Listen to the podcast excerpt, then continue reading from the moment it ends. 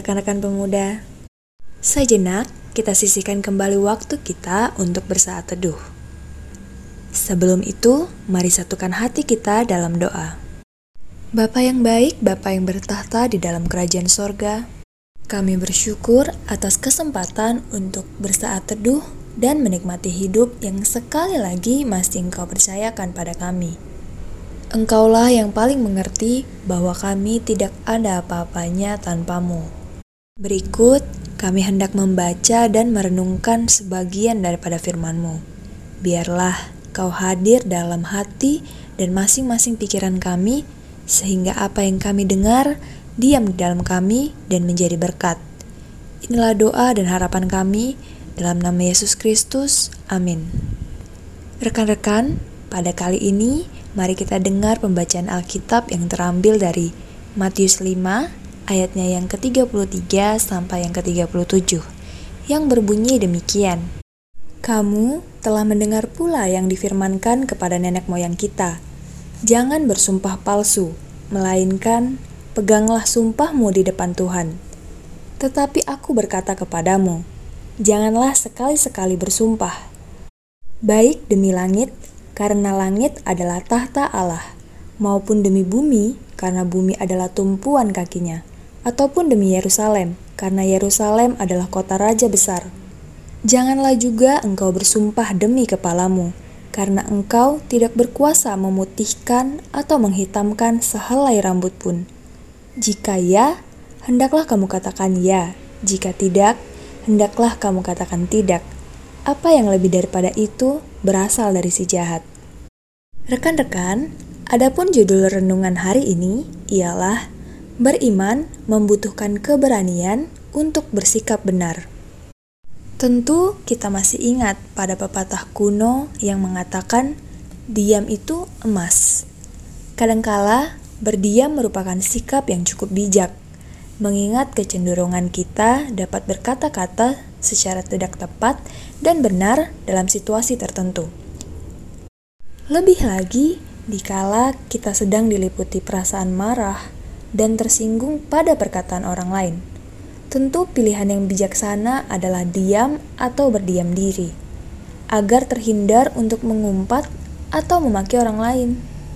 Namun, di sisi lain, diam juga dapat merupakan pilihan yang sangat buruk. Ketika kita hanya duduk diam atau tidak berupaya melakukan sesuatu, pada saat ketidakbenaran terjadi dengan semena-mena di hadapan kita. Menyatakan sebuah kebenaran bukanlah hal yang mudah untuk dipraktekkan. Terlalu banyak alasan mengapa kita lebih memilih untuk diam. Padahal, seyogianya kita harus menentukan sikap yang tegas untuk menyatakan sebuah kebenaran. Tidak berani mengambil resiko, takut dianggap melawan arus, khawatir mendapat penolakan, dan masih banyak alasan lainnya. Sebaliknya, untuk lari dan menghindar dari ketidakbenaran yang dilakukan, maka pilihan prima dona yang dilakukan banyak orang adalah melakukan kebohongan atau berdusta. Kebohongan senantiasa dianggap menjadi jurus jitu untuk menutup ketidakbenaran. Banyak orang lupa bahwa satu kebohongan akan melahirkan seribu kebohongan lainnya. Yang lebih parah lagi, sudah melakukan kebohongan ditambah pula dengan sumpah. Atau contohnya, demi Tuhan. Tuhan diikutsertakan dalam upaya kebohongannya. Melalui firman ini, Tuhan menghendaki kita untuk menjunjung kebenaran dalam setiap tindakan yang dikerjakan. Tuhan menginginkan kita untuk berani mengakui kesalahan dan tidak berusaha menutupi kesalahan dengan sumpah dan kebohongan. Tuhan juga mengingatkan kita agar tidak memberi ruang kepada iblis untuk menguasai hidup kita. Beriman membentuk kita untuk berani menyatakan kebenaran, meski banyak resiko. Sekian renungan kita pada hari ini. Mari kita bersatu di dalam doa. Tuhan Yesus, ini kami kembali mengucap syukur atas kesempatan untuk mendengar peringatan untuk terus berbuat dan berpihak pada kebenaran. Hari ini kami diingatkan bahwa menjunjung kebenaran tidaklah mudah.